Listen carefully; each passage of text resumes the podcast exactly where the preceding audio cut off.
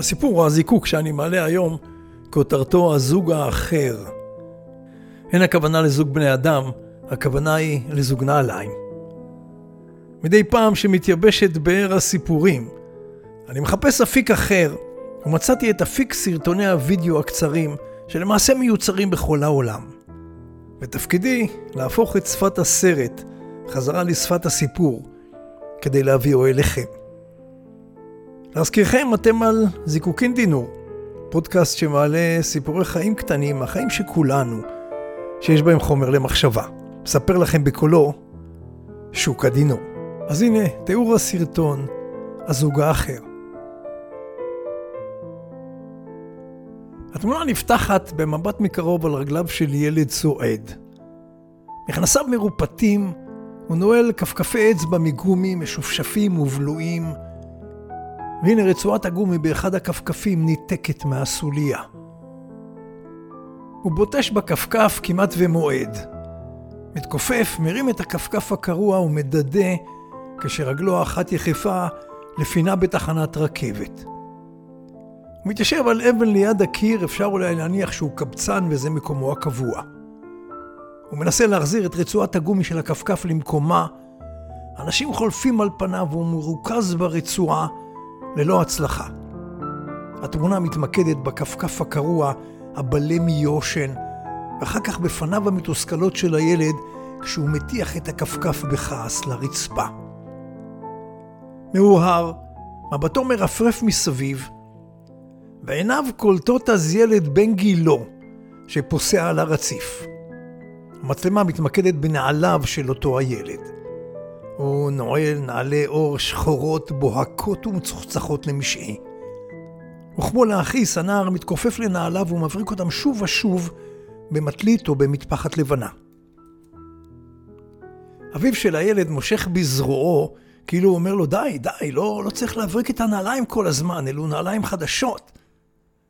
ואז הוא מוליך את הילד לספסל בתחנה, ממתינים לרכבת. מבטו של ילד הכפכפים מתמקד ברגליו של הילד ונעליו. אבל גם על הספסל הילד האחר ממשיך להבריק את נעליו במטלית הלבנה, כנראה מביע אהבתו כך לצעצוע החדש. המצלמה עוברת לפניו של ילד הכפכפים. אתה מצפה להבעת קינה או רוגז, אבל הוא מחייך בהשתאות ואולי בהבנה שיש אנשים ששפר גורלם כספית. ואז פעמון התחנה מצלצל. הרכבת מגיעה לרציף. יאללה, הרכבת הגיעה, בוא נעלה, אומר האב לבנו על הספסל. הילד מתעכב, מעביר הברקה נוספת לנעליים, ואבי מאיץ בו שוב בחוסר סבלנות. המולה גדולה מאוד בכניסה לקרון. הילד נדחף, מצליח אמנם לעלות לקרון לאחר אביו, אבל אז, בדוחק הרב, נשמטת אחת מנעליו ונוחתת על מרצפות הרציף. הילד מנסה לרדת לאסוף את הנעל, אבל הדוחק לא מאפשר לו. והנה הפעמון מצלצל, והרכבת משקשקת באיטיות לדרכה. הנעל השחורה מבריקה מיותמת על הרציף. ילד הכפכפים קולט במבטו את הנעל הבודדה המיותמת. הרציף הרי התרוקן מאנשים. והוא קם ממקומו, ניגש לנעל, מרים אותה בחרדת קודש, שואף את ריח האור החדש לקרבו, מניד ראשו מצד לצד גלגלי מוחו נעים. ואז באחת הוא מקבל החלטה והוא רץ אחרי הרכבת. רגלו אחת יחפה ובידו הוא אוחז את הנעל השחורה. הילד על הרכבת מבחין בו, ועיניו מביעות תודה. הוא נעמד בפתח הקרון, מושיט ידו לילד הכפכפים, וכמו במרוץ שליחים, ילד הכפכפים מותח זרועו, מנסה להעביר אליו את הנעל שאיבד. אבל, אבל הרכבת מגבירה מעט את מהירותה, וילד הכפכפים אינו מצליח להגיע לידו המושטת של הילד שברכבת. כל נשימותיו של הילד הרץ מתערבבות עם הנשיפות הקצובות של קרון הרכבת. בתסכולו ובניסיון אחרון, זורק ילד הכפכפים את הנעל לכיוון הרכבת, אבל הנעל פוגעת באחד החלונות ונוחתת מיותמת על הרציף.